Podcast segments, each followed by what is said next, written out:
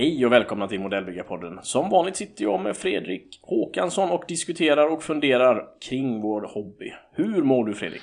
Hejsan Christian! Ja, det är väl eh, bra tycker jag. Det är ju som sagt, eh, nu har man kommit in i den här vanliga vardagslunken här nu i februari.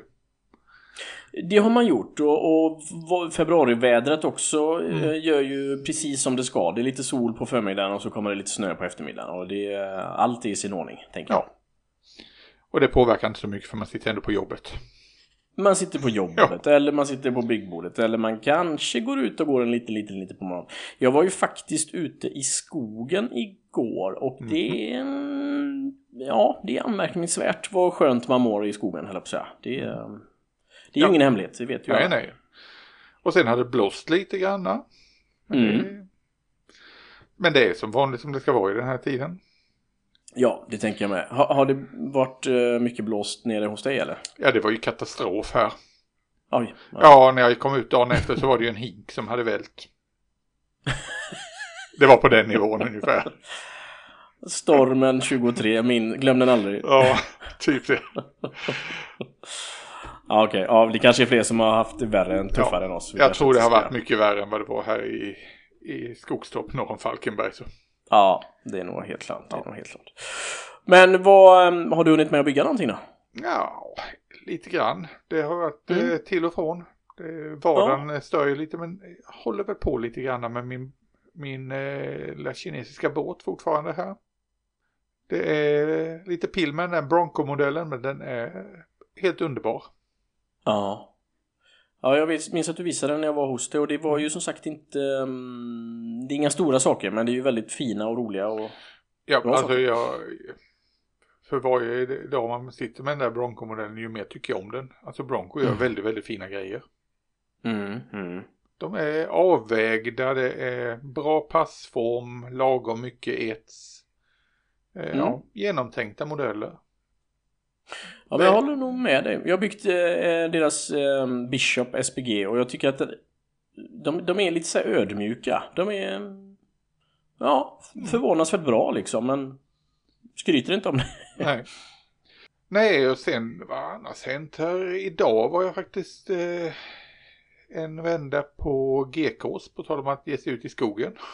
Mm. Så det var, ja, det, stor, det, var det stora gula varuhuset uppe i, i skogen som jag begav ja. mig till. Behövde ha lite diverse grejer. Men eh, så, som min vana trogen så tog jag en vända förbi leksaksavdelningen och fick med mig en liten Revel-modell där.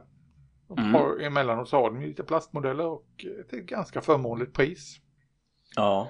Så det blev en eh, liten Yamaha, en eh, 250, en eh, motocrosscykel i skala 1 på 12. Jättekul ju. Det är i och för sig ingen imponerande modell kvalitetsmässigt. Inte om man jämför med en eh, Tamiya-modell i 1-12, alltså av en motorcykel. För det är ju en helt annan klass. Men jag tänkte mm. det kan vara en crosscykel. Jag har sett de här cyklarna ganska mycket under ja, min uppväxt. Då. Det var ja. folk jag kände som hade sådana. Och jag tänkte att det är en bra grej att testa och vädra. Det finns stora vädringsmöjligheter på en crosscykel. Ja, jättekul. Har du kanske någon figur 1-12 också? Eller är det... Det går nog att fixa fram en, eh, en figur 1 12 som... 1 till 12 ja, förlåt 1 till 12. Ja. Jag har ingen nu men eh, en crossförare 1 till 12 borde ju kunna gå att fixa tycker jag. Mm, ja men precis. Men som sagt det är en helt annan klass på en Tamiya-modell. Som jag berättade ja. för dig innan att eh, bara det här med motorn. Motorn på den här Revel-modellen är i princip två bitar. En höger och en vänster halva av eh, cylinder och eh, vevhus. Ja. Men bygger man en Tamiya-modell i samma skala så är det ju massor med smådelar och motorn är ju en byggsats i sig. Ja, jag har alltid velat bygga en, en Hayabusa faktiskt. En, eh, jag vet inte vad är de, kostar de mycket de här Tamiya? Nej, det är väl... Eh, du, du får väl en, en Tamiya 1-12 under 500 igen tror jag. Mm, mm, mm. Men jag tänker att det är lite som också att det är 70, 80 och 90-talsbaserade gjutformar eller? Ja, Eh, menar du Tamiya eller? Ja, precis, precis. Ja, men Så det, att bra. är, är en hel del som är ska jag säga, nya också. De fortsätter ju att producera 1 till 12. Ja. Ja, Så ja. eh, nya utgåvor. Deras, eh, vad heter det, Ninja är ju ibland jättefin. Mm, Cavaninja. Ja. Ja. Ja, det är Så helt har du, ett har du inte byggt en, eh, en motorcykelmodell från Tamiya 1 till 12 så ska du ta med tusan göra det. Det, Mm. är, det är en sån här underbar upplevelse. Mm. Får man inte med lite små skruvmejslar och grejer? Och... Jo, det, det finns faktiskt till och med ett par, ett par skruvar med. Och, skruvar. Ja, roligt. Ja, nej, Ja. det ska jag faktiskt ge mig på. Men jag, kanske, jag ska ju som sagt till eh, GKs den här eh, kommande veckan. Så att Mm. jag får väl se om jag blir lite biten av den här Revell-maskinen där då. Ja, vi kan väl alltid se det som, som sagt en utmaning när det gäller vädring. Hur mycket Mm. skit kan vi få dit på en motorcykel? På en liten motorcykel. Jag är i och för sig van att bygga 135 motorcyklar där och det är klart att det är inte så mycket man kan göra med dem men Nej. det är kul, det är kul med lite större. Mm. Nu när jag faktiskt har börjat bygga lite större också så är det ju kul. Ja. Hur går det annars med eh, din flytt? Du håller väl på med det här nu i, i taget? Jag håller på och packar för min flytt och det innebär också att min stash nu sakta men säkert börjar läggas ner i lådor och det är ju faktiskt rena rama julafton. Du hittar saker du inte visste om va? Absolut så. Jag, jag, jag, min, jag, jag har ju ett dåligt minne, det har jag absolut. Men så dåligt minne. Alltså jag blir alltid lika glatt överraskad också. Eh, nu hittade jag ju en, en eh, FT17 här från Meng. Som jag kanske hade ett svagt tanke om att jag hade, men jag var inte säker. Så när jag hittade den, jag har ju alltid velat ha en sån, så blev jag Ja, jätteglad. du, du, har tjatat ganska mycket om att du skulle köpa igen. Ja, precis. Och så hade jag den hemma. så att det är ju... eh, Det är ju faktiskt glädjer mig väldigt mycket. Så att, men som sagt, jag, det har ju blivit så med stashen och så i och med att den är så utspridd så har jag nog inte riktigt förstått hur stor den är. Så att, och du, jag har ju varit i ditt garage eh, Ja. med massa lådor och eh, det, ibland kan de vara lite svåra att packa vilket innebär att du kan inte få plats med mer än 7, 8, 10, 12 Ja. modeller liksom per låda och Det, det, om ens det. det lönar sig att kunna, jag, bara- jag höll på att säga, det lönar sig att vara duktig på Tetris.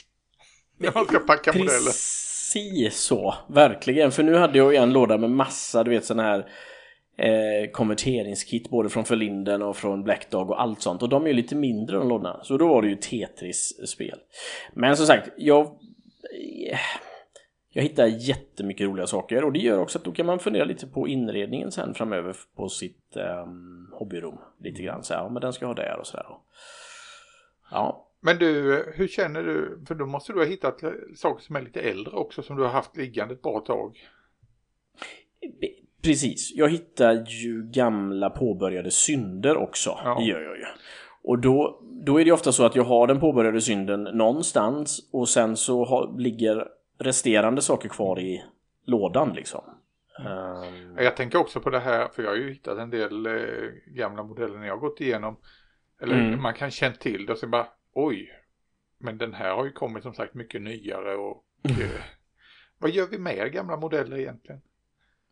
Jag har ju blivit väldigt så slängig. Hittar jag någonting som jag, jag inte ser någon form av glädje i att fortsätta med eller någonting så slänger jag det rätt upp och ner. Ja, Jag har blivit där respektlös och tänker att ja, men det här kan jag använda till konvertering och annat. Reservdelar. Ja, det är ju i och för sig lite coolt. Men jag tror att jag känner mig själv tillräckligt bra att jag inte kommer använda det. Så då, och det kanske i och för sig är dumt att slänga saker. Det kanske är någon annan som vill ta över och försöka. Jag vet inte faktiskt. Men Nej men jag tänker till science fiction modeller och allt möjligt sånt där. Det går alltid små delar och skrot. Det- är väldigt Mm. praktiskt. ja. Så den med där, min, min bitbox den växer och växer kan jag säga. Ja, och jag, saml, jag behöll nämligen massa gamla sprues förr och då hade jag två sådana här papperspåsar från Ica fulla med sprues och jag grävde aldrig dem alltså så att de fick gå i bingen, det gjorde de. Men så minns jag en gång att jag köpte Det är säkert någon som lyssnar på detta nu som har köpt men jag- det var många, många, många, många år sedan men då köpte jag en jättestor Dragonlåda men det var fyra stycken Tamiya pansarfyror i med hundratals sprues överallt så man fick Man fick klippa och klistra och eh, jag tror jag hade en kompis i slut som eh, hjälpte mig att sortera och så tror jag att han köpte en eller två av dem. Så, så ja, det gäller ändå att ha lite ordning på sprusen eh, framöver. Ja, nej men jag, jag tror vi, det, det, känns som att man håller på att bli petigare och petigare med vad man, vad man skaffar för grejer också. Ja, nej men jag tycker nog det faktiskt. Sen även om man är så här Eller försöker, vi, eller försöker vi ljuga för oss själva här nu? jo men stundens infall lite tänker jag som ja. du. Du, hade du behövde ju inte den här motorcykeln. Nej. Men för 120, 120 spänn jag kunde inte, det bara slank ner. Nej, nej men precis. Och så har man ju kanske 40-50 sådana bara slank ner modeller för 120 mm. kronor i sin stash. Um, och jag säger inte att du gjorde fel här nu, utan mm. jag säger bara att det... Och det är ju inget problem om de ska ligga i sin stash, men nu ska jag flytta så att är det jättekrångligt. ja. ja. Ja, ja, ja, ja. Men du, jag kan ju också, jag kan ju också säga det att, eh, och du vet ju om att jag hade ju beställt lite figurer. Lite mm. annat eh, masterbox och eh, mini-art-figurer. Just det. Jag pratade ju om de här, eh, eh det här packet med flyktingbarn från Ukraina-kriget. De, de modellerna dök upp nu den här veckan och det var ju ibland också det var från eh, Masterbox och sen från, från Miniart hade jag ju då beställt eh, ja, men 30-40-tals personer som satt på ett café. Ja. Med kypare. Så eh, det var riktigt fina grejer. Mycket användbart som jag ser det. Ja, vad skönt, vad skönt. Och även då Mini Arts eh, första lilla, eller lilla vardagsrumssättet, det här möbelsättet med eh, lite hemmakontor där det var en jordglob och skrivbord och lite sådana där prylar. Ja, okej. Okay. Ja. Så, nej. Det är sådana här saker som kan vara användbara. Ingen direkt plan med det ännu men. Nej, nej, nej, nej. Men nyttoprylar ja. Och det var en ganska snabb leverans eller? Var det inte det? Ja, det gick på den vanliga tiden. Ja. Så det, det, var, det var snabba puckar där. Och egentligen så var det för att jag behövde ha några eldrör. Aha. Det, ja, det är ju en liten halv, halvklassiker att man ja. skenar fullständigt igen. Men ja, ja, jag skulle ha några eldrör 1 till 350. Ja, okej. Okay. För där har jag ju där har jag en annan försyndelse och det är ju den här, jag sa ju att jag hade köpt USS Alaska. Ja, just det. Och eh, nu håller jag ju på att kittar upp den med tillbehören. Mhm. Ja, ja, säga, men då... eldrör, eldrör i mässing och ett till den och Edward ger ju ut ett set här nu. Eh, det har kommit ett set i månaden här nu det sista. Ja, okej. Okay. Så... Eh, men du har lagt, du menar att du lägger dem på hög för du har inte påbörjat modellen här utan du... Nej, jag har inte påbörjat modellen. Nej, jag nej. vill ju ha all etsen än och det kommer ut tre etset vad jag vet till den. Ah, ja. Så, eh, ja. Tillbehören blir som vanligt dyrare själva plasten. Nej men det, det, det, ska bli en jättefin modell alltså. Ja, ja men det förstår jag. Och, och, och... Det är en av eh, Hobbyboss bättre modeller. Ja okej. Okay. Och, och eh, det fin- vi har ju goda vänner som bygger båtar och det är klart när Johan lägger ut på modellbygge så blir man ju väldigt imponerad av vad man mm. kan göra i båtvärlden faktiskt. Ja, det var en fantastisk liten japansk ubåt har vi handlat ut på nätet här nu om. Ja, en liten AFB-klubbmodell som är i ett på 350. Ja, precis. Riktig liten pärla. Och de är väldigt små men väldigt sexiga och detaljerade. Det är, mm. Ehm, jag har ju en sån påbörjad men jag har inte hunnit uh, avsluta den än. Tysk dito. Ja. Vad, på tal om eh, påbörjad och inte, vad, hur går det med din CSM-modell förresten? Eh, sakta framåt och också parallellt med båten. Mm -hmm. eh, jag har inte hört så mycket om det nämligen. Nej, just nu så ligger den här lite på vänt. Eh, jag ska ta och eh, grundmåla en del eh, delar för att jag ska måla innandömet på den. Ja, ja, just det, just det. Ja. Så jag eh, ska måla inredningen och eh, jag har bara inte haft eh, plats att eh, bre ut grejerna för att grunda det. Nej, okej, okay. Okay. Men det, det går sakta framåt och det, det ska bli roligt. Sen är det ju, tycker jag det är lite knepigt liksom, vilken, vilken färg ska jag ha på den. Jaha, du inte... jag, kan, jag kan för dåligt, eh, jag är för dålig på just eh, italienska eh, pansarfärger. Ja. Särskilt från första världskriget. Det låter ju som ett extremt smalt område och det är det förmodligen också. Och där, där har väl CSM en liten svaghet att eh, de hänvisar inte till några fabrikat i sin byggbeskrivning. Nej. Men, men du tänker att du, du, du ser i alla fall ett, ett, ett färgschema men du vet inte exakt? Uh... Jag försöker kolla på, ja färgschema vet jag ju men eh, alltså mm. Vad är en mörkgrön och vad är en mm. ljusgrön? Om det bara står light green och dark green. Är du, är, oj, är du, jag visste inte att du var så anal i det faktiskt. Vill du det?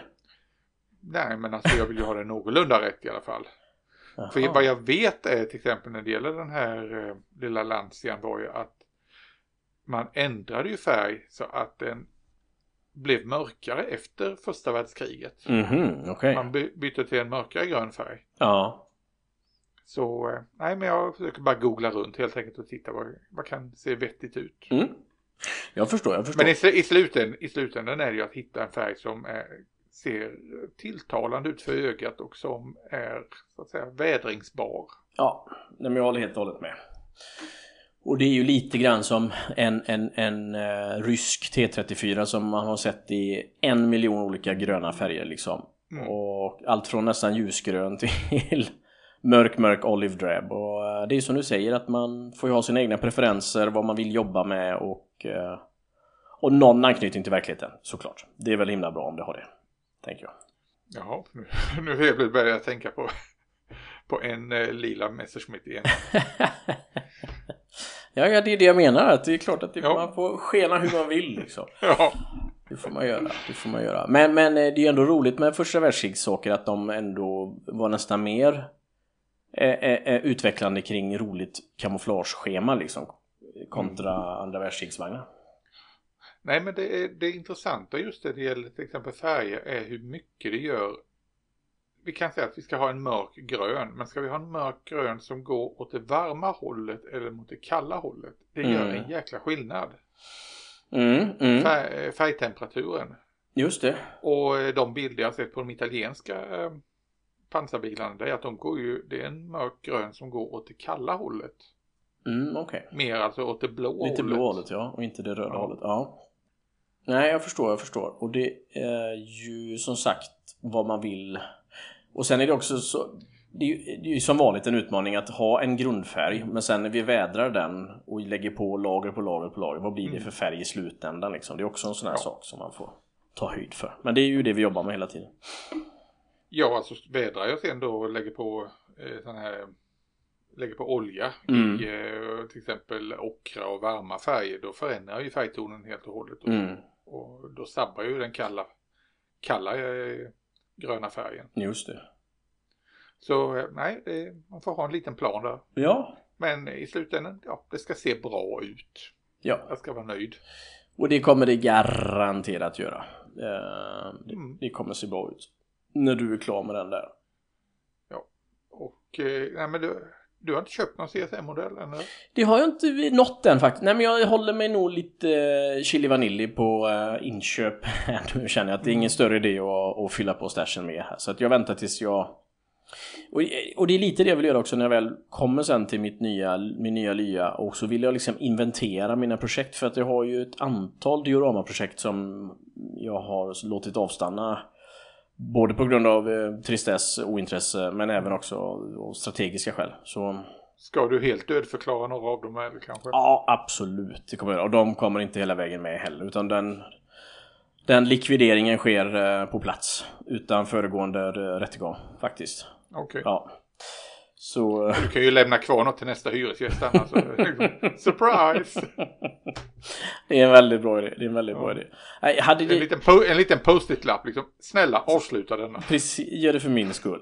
Ha, ja. Jag vet inte om någon har varit intresserad av det men hade det varit, eh, vad heter det, eh, nära förestående med AIM eller någonting så hade man kunnat ta med en låda med saker och ting om någon hade velat fortsätta mm. med det. Men nu är det för långt bort så att det får, det får gå ja. i bingen.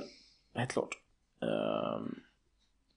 Ja. Ja, men du, vi... du eh, vad hade du tänkt snacka om idag? Eller vad tyckte du att vi skulle prata om idag? Förutom från allmäntillståndet. allmäntillståndet är bra. Ehm, ja.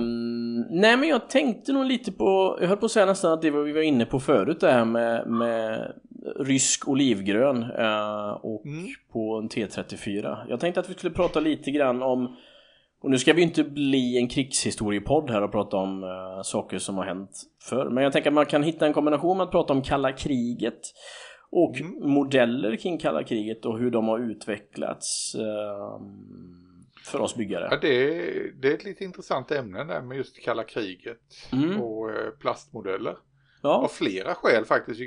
Jag kan se både just när det gäller plastmodellshistoria, mm. vilket jag kan dra om en liten stund, men sen också hur ser vi på modeller om kalla kriget, alltså lite ideologiskt och så vidare, vad, hur, hur, vad får vi för känslor kring de modellerna? Mm. Men ska vi ta avgränsa oss då till perioden 45 till 91? Eh, ja men det tycker jag. Så eh, efterkrigstiden 45 eh, och, och 47 där fram till 91, ja när mm. järnridån föll. Um, och, och det är ju som du säger att det finns ju konflikter som är direkt kopplade till kalla kriget och så finns det ju de som i princip aldrig hände. Men ändå det gjorde det så kallt som det kunde bli. Och sen har vi massa proxykrig. Precis, massa proxykrig som är liksom relaterade till men inte, ja, Mm. Så att det finns ju en hel del. Men nu, nu är det ju så också att jag är ju helt klart en stridsvagnshistoriker och kan mm. ju mer om det. Uh, en, ja, men du, ska vi, ska vi börja med just själva plastmodellsidan om det hela? Mm. För det var ju då i mitten på 50-talet kan vi ju säga att då kom ju plastmodellerna. Ja. Uh, vi kan säga att Revel satte ju igång det, om vi tar det här parentes, det var en parentes nästan på det här med FROG i förkrigstiden. Mm, mm. Men eh, det var ju runt alltså i början på 50-talet, här första halvan, som Rebel satte igång med modeller. Ja. Och det dröjde ju inte länge förrän de, ja, de första, vad ska jag säga, kalla kriget-modellerna dök upp. Och det var ju, det var helt enkelt man var ju extremt trendkänslig när det gäller plastmodellerna. Ja, right, right. Så det var ju flygplan. Vad var det som hände där i början på 50-talet? Jo, USA utvecklade bland annat det strategiska bombflyget. Det var jetflygplan. Mm. Det var många sådana prylar som var helt fantastiska. Ja, men det kan jag tänka mig. Just skiftet från propellerflygplan till jet liksom som bredde mm. ut sig. Och... och det var just, det var ju, jag tittade igenom eh, en katalogisering av gamla Rebel-modeller och såg att jag var, det var i princip de moderna jetplanen som kom efter andra världskriget var de som var intressanta. Särskilt bombplanen B5, när B52 kom och sen har vi de andra eh, eh, ja, de andra strategiska bombplanen. Mm. För då får vi tänka att det här var ju tiden innan missiler. Så här skulle du leverera kärnvapen, vilket ju var ja. den stora grejen då för USA. Att de hade ju under ett antal år där ett kärnvapenmonopol. Mm. Då var det via flygstridskrafter som man skulle leverera. Så det strategiska bombflyget var ju enormt i USA. Ja.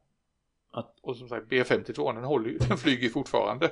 Den gör faktiskt det, det är lite häftigt. Men just också den här utvecklingsjakten om man bara ser till mm. Eh, att allting skulle gå, flyga högre, flyga längre, flyga snabbare liksom. Och, men jag, jag, kan se framför mig, ser jag fel då när jag ser att, en, att det fanns en Centurion ifrån, inte från Airfix kanske, men en riktigt, riktigt gammal Cent-modell. Eh, Airfix hade ju en Centurion ganska tidigt här för mig. Mm. Men annars de första, tittade jag efter lite, de absolut första modellerna när det gäller pansar som dök upp. Eh, och då jämförde jag de här, bara de stora fabrikaten, eh, det här är ju ganska ovetenskapligt. Mm. Då såg jag att då var det faktiskt Koreakriget som påverkade modellbyggarna. För det var ju det, det som man hade haft närmast. Ja, ja, ja. Så eh, det var ju en eh, amerikansk Sherman-vagn till exempel fanns ju. Mm. Eh, T34, ja. Ja. Fanns det. Men sen även sådana här saker som en eh, Long Tom eh, Haubits. Ja. Fanns ju bland, eh, bland pjäserna. Det var ju saker man kunde som sagt relatera till till just nutiden. Ja, för jag tänker att... Det var, att det var poppis med dem. det, det betvivlar jag inte alls. Men då, för jag tänker att var det inte Koreakriget också det både flög propellerdrivna Mustanger från 40-talet och så Mm. och typ F86 Sabre och eh, någon Lockheed-maskin och... Ja, de, du kommer de första, eh, de sista stridsflygplanen med propeller var väl där i princip. Mm, mm. Samtidigt som vi hade de första jetplanen också. Ja. Ja men Så det var ju precis. en, en salig blandning där. Mm. Det är helt klart. Så det var ju en väldigt intressant tid. Och sen var det ju fartyg också. Ja, precis, precis. Och det var ju också eh, det här liksom efterkrigstiden och Mm. det var lite intressant. Så, eh, vad var det? Jag hittade, ja, det bland de äldsta fartygen som förekom då förutom segelfartyg men eh, moderna grejer så var det ju Iowa. Ja, okej. Hur var de byggsatserna då? Byggsatserna, ja vad ska vi säga, väldigt, väldigt enkla i Mm. början där. Det var mer representationer än en riktig modell. Ja, right, right. Men vi har ju bland annat den här Boeing B47. var ju en sån här strategisk bombplan som dök upp som från Revel. Mm. Och eh, F89 är ju och lite andra sådana där. Ja, ja, ja. Eh, F101 Voodoo. Och sen Skyhawk och de här prylarna. Det var ju det var mycket just den tiden. Ja. Och en annan sak som blev väldigt populär också när det gäller plastmodeller Mm. parallellt med det. Det var ju missilerna när de dök upp. Så ja. de här tidiga missilmodellerna, det var ju, det är också en sån här sak, de har ju kommit ut hur många gånger som helst som återutgivningar. Ja, ja. Men det var populära grejer med. Det var ju Mhm. eh, alla möjliga, liksom, eh, allting från det här gamla modellen Hawk-batteriet Mm. Ja. till eh, Snark och eh, ja, det fanns en hel serie med missiler. Och det var ju framförallt mindre missiler, det var luftvärn och det var allt möjligt sånt där. Men det var poppis, det var ju det, var det nya på den tiden. Jag funderar lite på hur, hur snabbt så att säga om, om en, en ny sak upptäck eller så man utvecklade exempelvis M60 stridsvagnen eh, undrar hur snabbt den blev då en modell sen tänker jag så här hur hur snabbt modellbranschen snappade upp eh, nyheter. Mycket, mycket, snabb, mycket, mycket snabbare än, eh, än modellen, eller originalet nästan höll på och eh, komma, i, komma i produktion. Ja, ja. Ett, ett exempel på det är ju eh, när amerikanerna byggde sin första atomubåt, USS Nautilus. Mhm, mm. Att den hade de ju ute som modell i princip innan eh, fartyget var färdigt. Innan ubåten var klar. Jaha, okej, okej. Och det var ju baserat på gissningar. Aurora var en sån här företag som var väldigt duktiga på att hålla på och gissa. Och ibland så var det ju helt åt skogen. Ja, okej. Så jag tror att Eh, när det, vad ska jag säga, den eh, ryska MiG-15, när de första grejerna om den började dyka upp, ja då hade Aurora redan en modell som var totalt fiktiv men eh, som liksom ändå, ja, det var någon rysk representation av, av ett jetflygplan. Och så var det med ganska mycket prylar att, eh, ja, det var, och då får vi tänka att det här var ju på en tid då man såg modellen som leksaker. Ja, precis. Jag tänker också som du sa innan att de kanske hade liksom ett, nästan ett reklamvärde också, eller så här, för unga pojkar och eh, familjer som köper modeller till sina barn. Ja, jag vet inte, men ja. Mm. Ja, men det är lite bakgrund. Sen har det ju fortsatt. Men eh, varför är det intressant med modeller från kalla kriget? Vad är det som tilltalar dig? Ja, men det är ju, det är ju lite som vi pratade om innan där, att det är ju de här två bitarna att eh, viss... Alltså det finns ju krig i kalla kriget som vi kan namnge liksom och det är ju... eh, Då är det ju en tydlig konflikt liksom. Det, jag menar det är Koreakriget som du säger, det är Vietnam Mm. och, och det är när ryssarna är i Afghanistan och, och allting sådär. Och, att, och, det, och då fanns det ju alltid en... Även om det inte var Ryssland och USA som kämpar mot varandra så fanns alltid deras eh, pengar och vapensystem liksom på plats. Och utbildningsmässigt och sådär. Så det är väl det lite som den här storheten att det hela tiden att och nu är jag ju ganska ung, jag är ändå född 79 men jag minns ju absolut när Berlinmuren föll och hur det var innan dess. Så att den här spänningen som man har levt med hela sin uppväxt, den är ju ändå det är ju en stor del av ja. det som gör det intressant. Ja, samtidigt så kan man ju säga att det är ju lite mer komplicerad period eh, när det gäller modeller. För när det gäller första världskriget, eller ja, framförallt andra världskriget, så kan vi säga liksom, okej, okay, det här är the good guys och det här är the bad guys. Mm, mm. Det är ganska så enkelt att peka ut vilka som är vad. Det är en tydlig konflikt. Ja. Det är inte lika tydligt eh, när vi kommer in på kalla kriget och de här, särskilt inte när vi kommer ner till proxykrig nere i Afrika och liknande. Nej. Vad är det som händer egentligen? Och, och det blir att eh, krigen blir lite mer komplicerade. Oj, nu har jag en hund här bakom håller på nyser och ja, låter. Om ni undrar vad det är för konstiga ljud. Så är det i vardagen här. Ja, prosit, prosit. Mm. Nej, men det är ju som du säger och, och, och sen var det ju situationer där det inte... Eh, jag menar, jag tänker på Kuba exempelvis. Att det är ju... Mm. Det var ju mer fokus på saker som kunde hända just med, med missilkrisen och allting sådär och det var ju... Nej men jag tror att många kan relatera till, till sin tid i kalla kriget som gör att modellerna blir intressanta. Mm.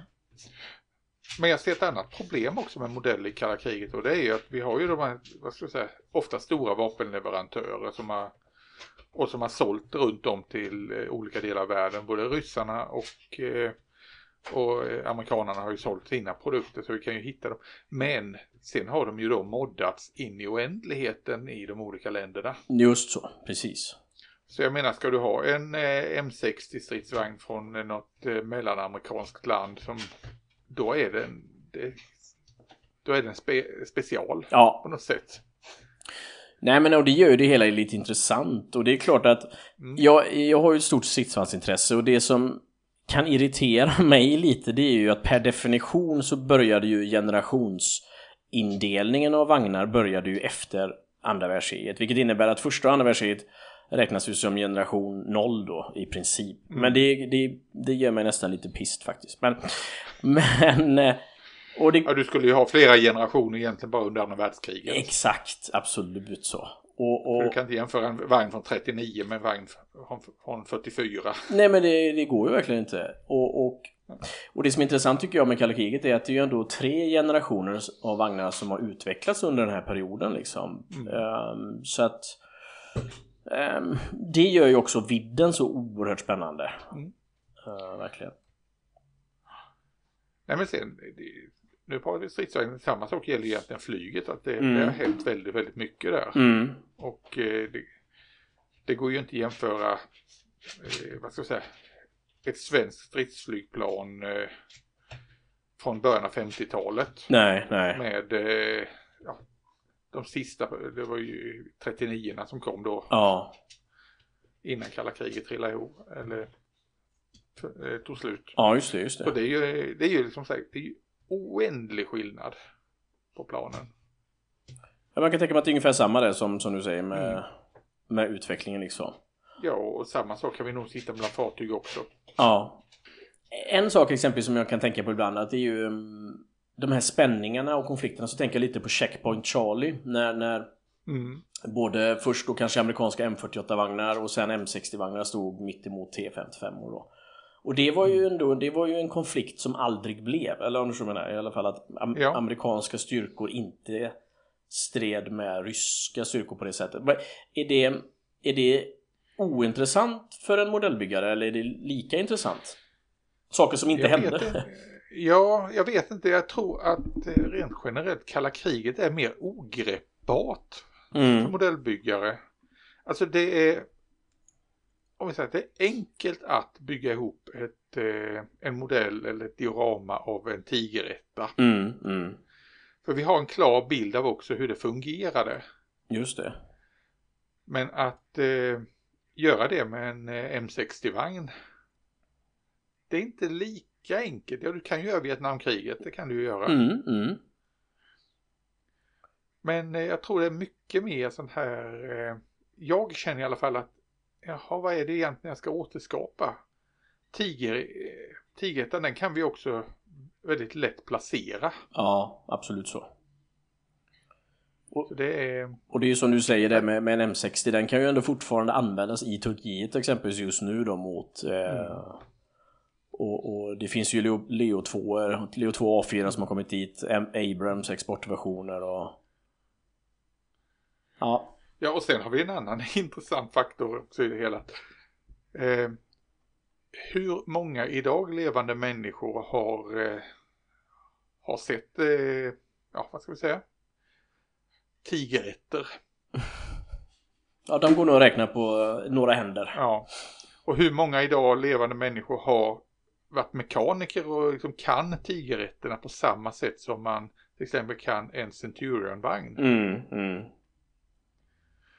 Vi är många fler som har liksom varit och känt och klämt och har mycket mer kunskap om eh, moderna vagnar. Så det är ju det är plus på ett sätt. Samtidigt som det är det här vanliga tveeggade att aj då, djävulen ligger i detaljerna. Ja. ja. Då vill man ju gå verkligen in på det. Men vad tänk... Jag menar, du själv, du själv har ju haft eh, med pansar att göra. Ja. I det militära. Precis. Men vad menar du? För jag tänker att eh, en, det byggs jo, ju betydligt men... fler tigerettor än vad det som folk ja. inte kan ha någon relation det, till.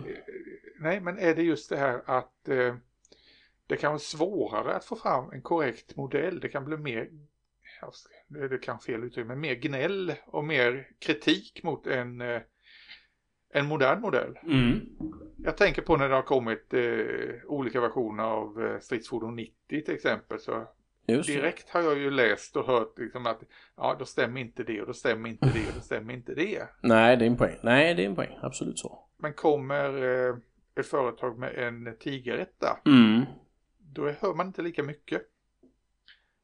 Nej. Är vi, är vi petigare med saker som ligger oss, ja vi borde ju vara petiga med saker som ligger oss närmare.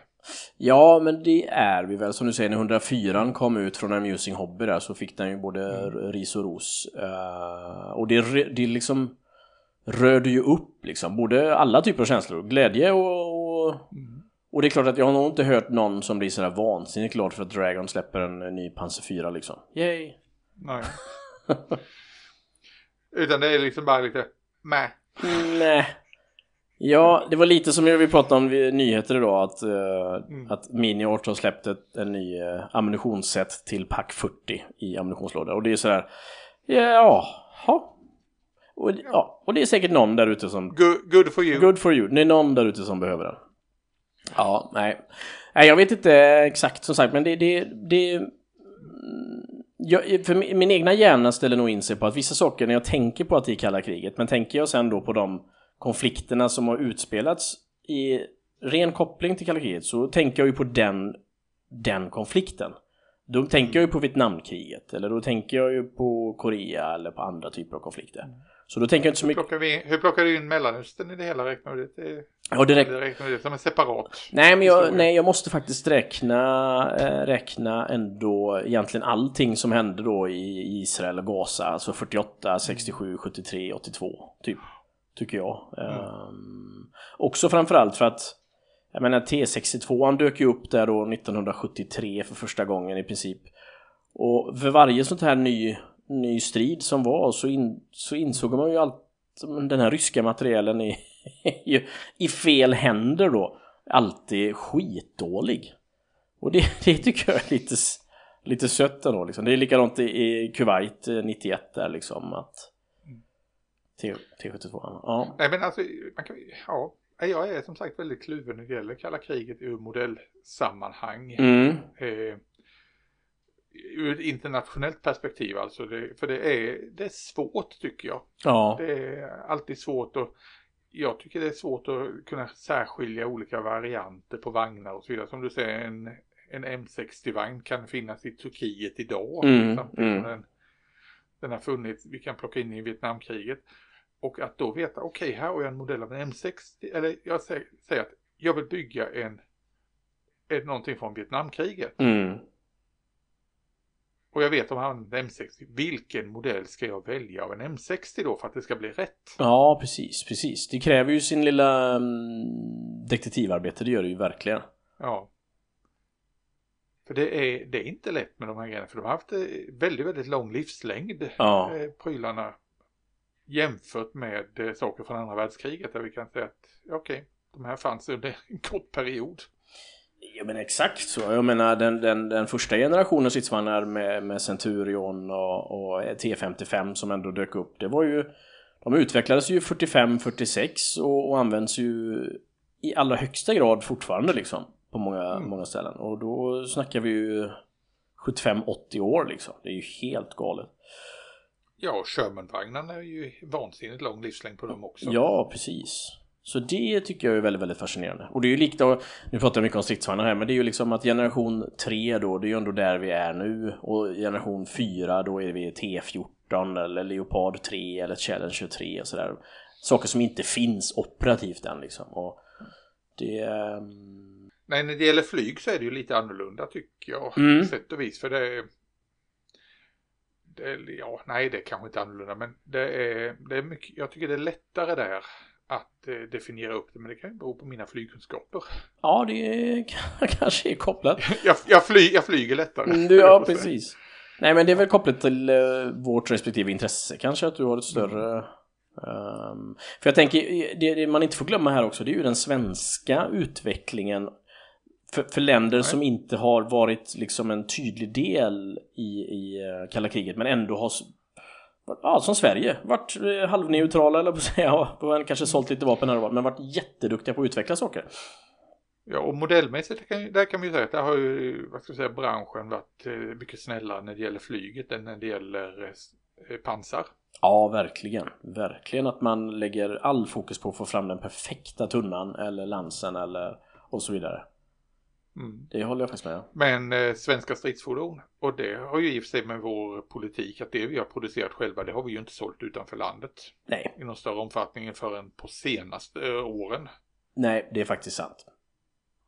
Så eh, det finns ingen internationell marknad för det. Nej, Och då får man i så fall vända sig till resinmodeller och ja, annan här småskalig produktion. mm. Där det i och för sig finns en hel del fint eh, genom åren. Och, eh, men det, det blir inte lättare. Nej, och jag tänker exempelvis Trumpeteers gamla modell av eh, 103an, både B och C-modellen. Det är, ju, det är ju den enda modellen som finns av 103an. Och Ja. det är ju den mest berömda MBT'n liksom i världen på ett eller annat sätt. Alla har ju sett och hört om det. Ja, det enda som har funnits innan det ju, var ju egentligen eh, ett par modeller innan. Aurora gjorde en ET48 och Mhm. eh, Tamiya gjorde en ET48. Jaha, det visste inte. Tamiyas, det var ju en av dem, och det var ju egentligen då eh, serie 0-vagnen de gjorde här för mig. Jaha, det visste jag inte. Och spännande. Ja, den var motoriserad också. Jag hade en sådan, den Mhm. körde fram över golvet hemma när jag var liten. Vad coolt. Rasslade, rasslade som ett riktigt tröskverk. Men... Ja, ja, ja, ja. Nej, men det är ju sådana saker som är... ehm, Men det var, det var ju mer leksaker. Nej, men precis. Ja, nej, väldigt fascinerande. Det känns som att vi kan... eh, Nej men det är, ju- det är ju samma sak när det kom eh, eh, andra saker som kom ut liksom med svensk anknytning och eh, som är kalla kriget grejer. Mm. Då är det inte den svenska versionen som kom ut. Stridssport 90, den eh, stora modellen som kom ut, den var ju, det var ju inte den svenska. Nähä. Nej, nej, nej, nej. Alltså, Det var ju, den fick man ju modda om man skulle göra den till en svensk version. ja, okej. Och jag minns förr när med 122an då hade ju HKCV hette den va? Ett sånt där konverteringskit till eh, Italeris Leo.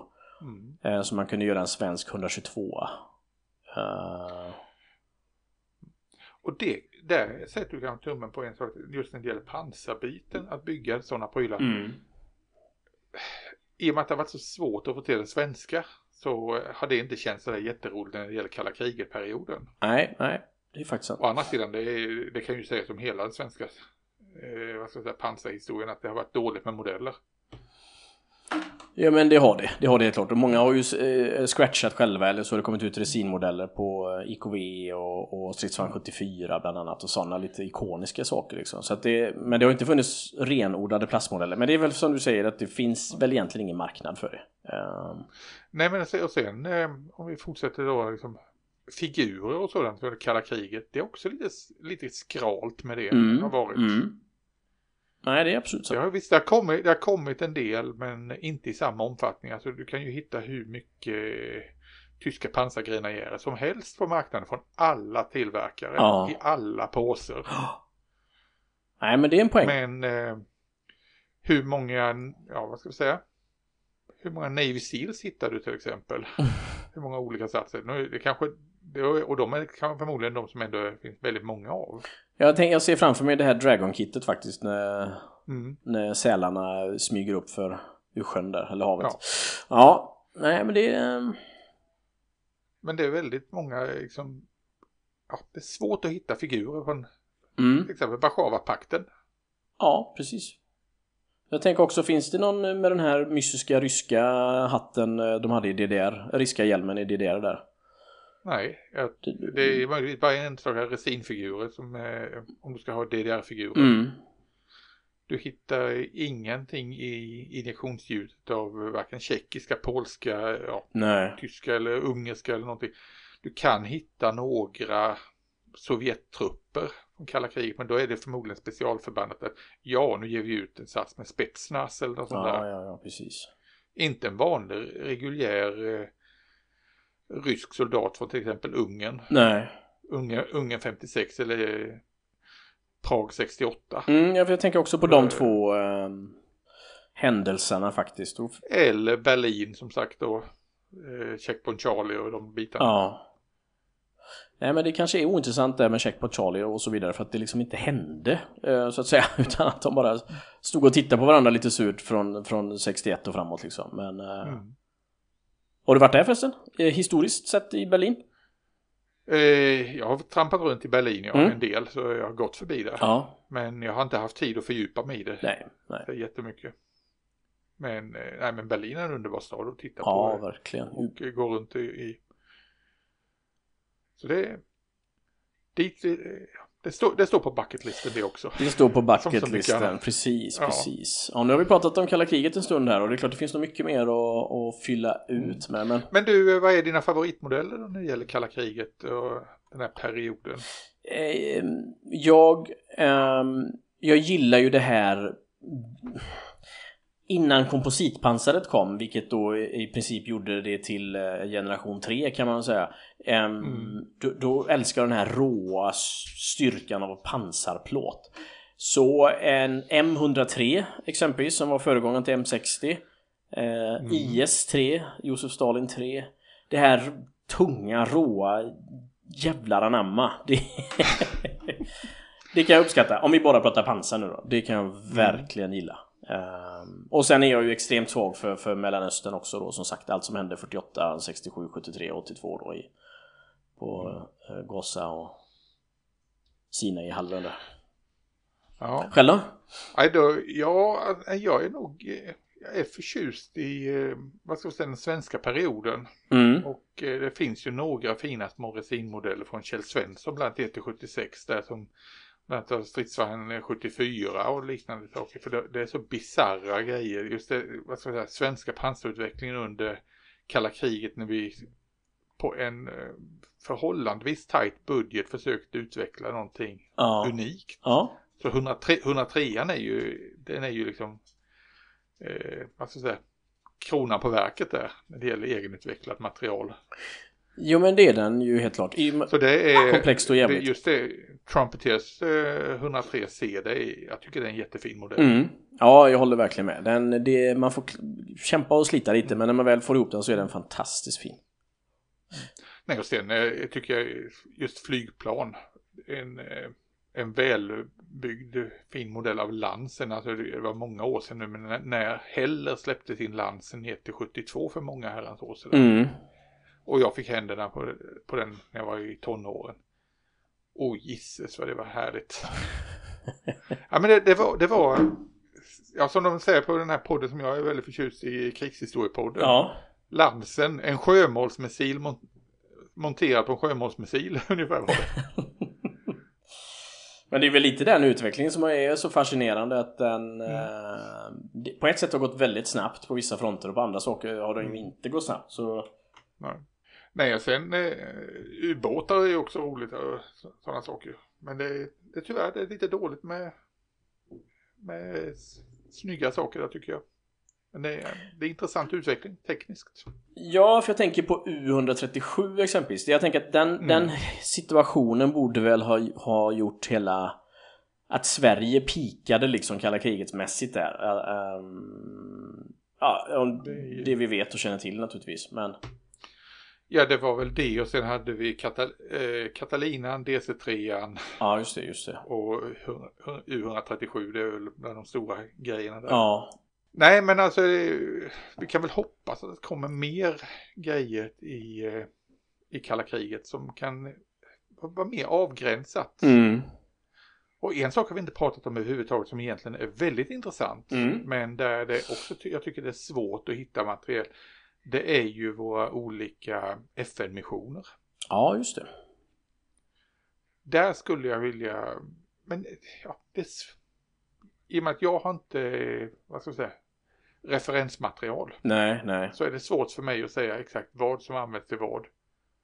Kongo tillhör väl bland det enklaste för det vet jag att där kan man ha en eh, sån här White Scout Car till exempel. Precis, då kan vi ringa Sven Young bara så kan han ge oss en rejäl utbildning i det. Nej men, eh, ja. nej, men du har ju rätt och, och, och, de allra, om man tittar på en M113, en kanadensisk M113 i Bosnien exempelvis så hade den ju liksom lite konstiga tilläggspansar som den bara hade just där. Eh, mm. Så det, vissa utvecklingar sker ju bara på, i de konfliktzonerna också liksom. Um, när Pebban åkte ner första gången i Bosnien exempelvis så såg den ju inte exakt likadan ut som den gjorde på de sista missionerna och med kompositpansar och sådär. Mm. Ja. Nej men då är det väl det att den, vad ska jag säga, trendkänsligheten som eh, plastmodellstillverkarna hade då i början på 50-talet. Mm. Den har de inte idag. När det gäller, vad ska jag säga, sin samtid. Nej, men, eller är det inte så? Eller, eller har de ja, det? Men jag tänker lite på eh, den konflikten i Ukraina nu, men det kanske som du säger att det, mer, det kanske mer återspeglas i modellbyggarna än själva fabrikaten mm. som släpper modeller. Du kanske har helt rätt där. Um, för... Ja, det är, det här är ju som sagt väldigt ovetenskapligt. Jo, men jag tänker Viet, massa figurer. Vietnam, men Vietnamkriget till exempel, det blev sådana krig som blev eh, väldigt omdiskuterat. Det, liksom, vilka var de goda, vilka var de onda? Ja, det kan jag tänka mig. Just vid den perioden där och då hade man ju väldigt svårt att... Eh, mm. Och det har ju gjort att modeller från Vietnamkriget, det har varit lite, det, det, som sagt, som jag sa innan, det ska väl lite kanske. Jo, men ibland kanske det är lite tabubelagt sådär liksom att, att mm. för jag tänker just Ukraina här nu så har det ju ändå dykt upp väldigt mycket figurer kring Ukraina men det har inte dykt upp så mycket mer materiel. Men om du tänker vilka är det som har tillverkat figurerna från Ukraina-konflikten? Ja. det är de ukrainska plastmodeltillverkarna. Alltså, de är väl lite part i målet. Det är de helt klart. Det är de helt klart. Jag har inte sett någon sån rysk sats än med stolta ryska hjältar liksom eh, i Ukraina. Nej. Det har vi inte sett. Ja. Vi har inte sett, vi har inte sett Wagnergruppen i modellen. Nej, nej där har du något. Det kanske är en... Men det är ju också det är lite grann som det här vi har pratat innan om eh, moral och, och elände. Så där är det ju mm. tydligt vad, vad i alla fall allmänheten tycker att Ryssland gör fel. Eh, ergo så är de arga och dumma. Och så det är ju lite som att jag kan ju ha ibland kanske utmaningar att bygga Joakim Piper, Joachim Piper-gruppen liksom. För man vet mm. vilka, vad de utsatte de franska byarna för liksom. SS-mässigt då. Men ja, men vi ska inte blanda in politik i våra byggen liksom. Nej, men ändå det, det finns vissa saker som, som skaver. Ja, faktiskt. Det kan vi inte komma ifrån.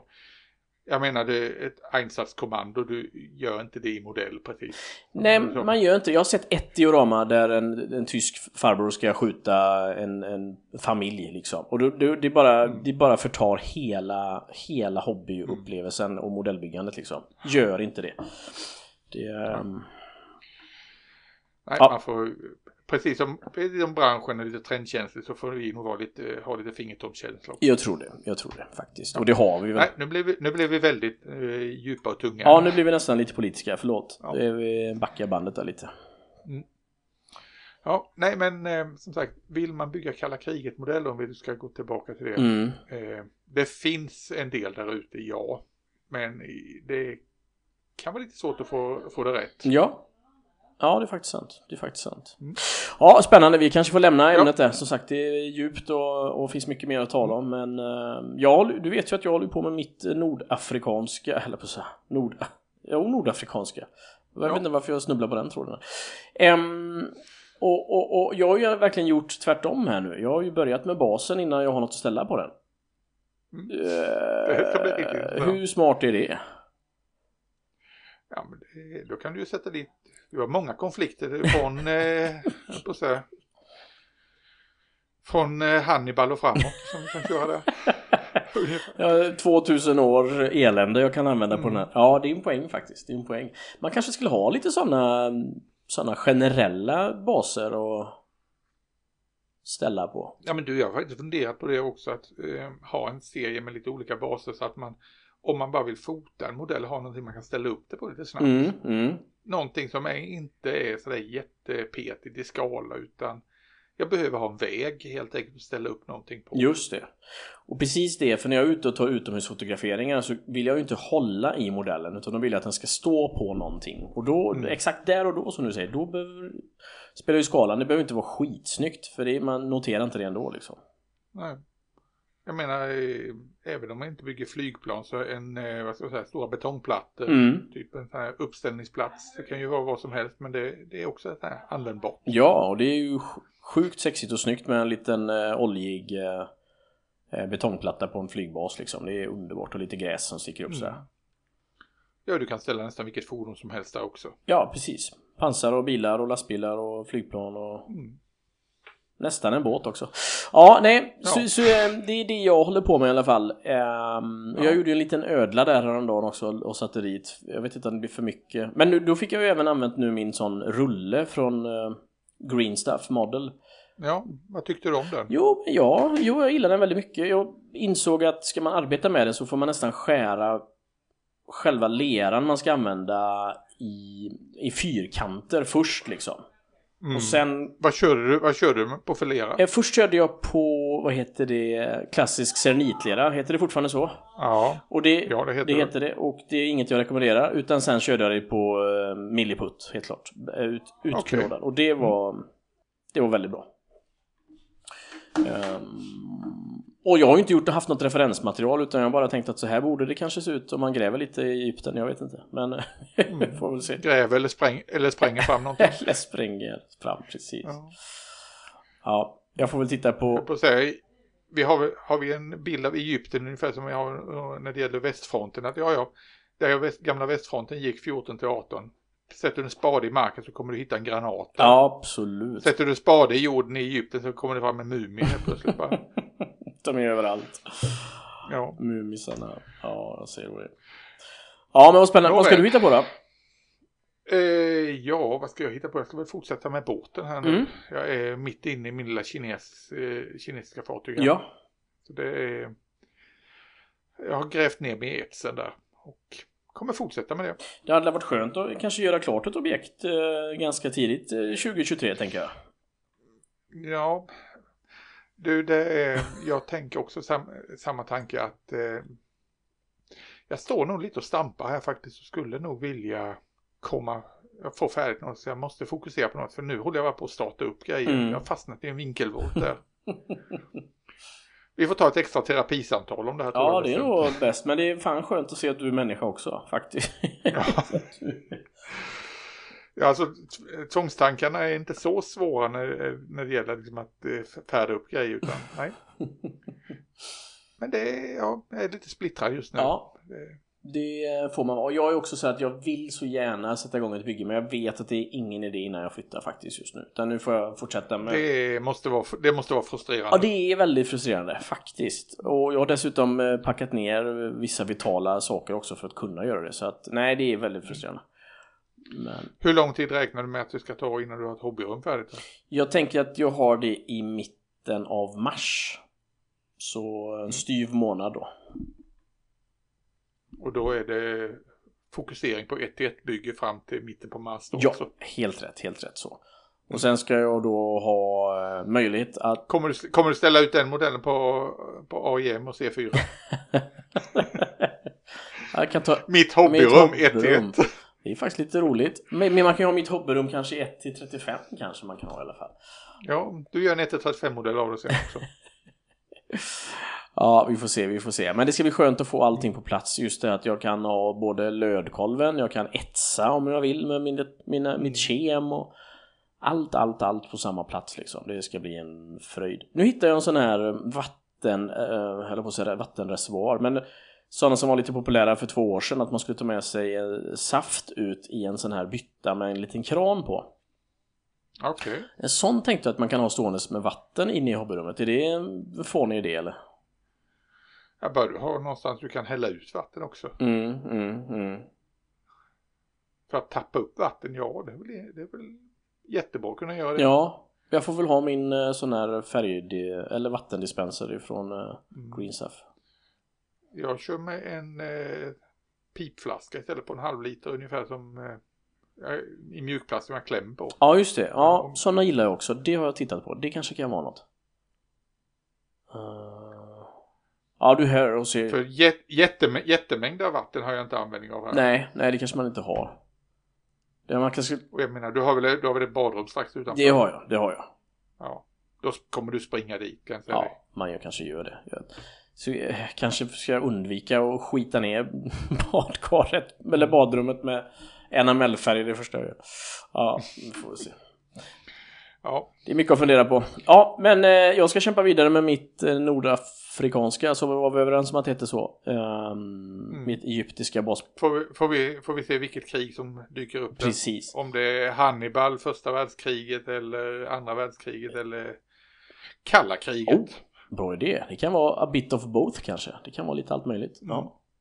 Bra idé. Du sätter några, du sätter några förtvivlade egyptier där som håller på att försvara Suezkanalen. en kameljävel räcker så, man, så är man hemma liksom. Mm. Ja, typ. typ. Tusen tack för detta Fredrik. Ja. Ha en fortsatt eh, bra dag så hörs vi. Ja, ha det gott. Hej, hej, hej. Tack för at du har lyssnat på Modellbyggarpodden.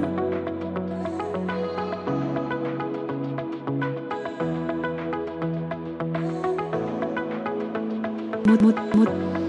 Mod model byggarpodden. Mod mod mod mod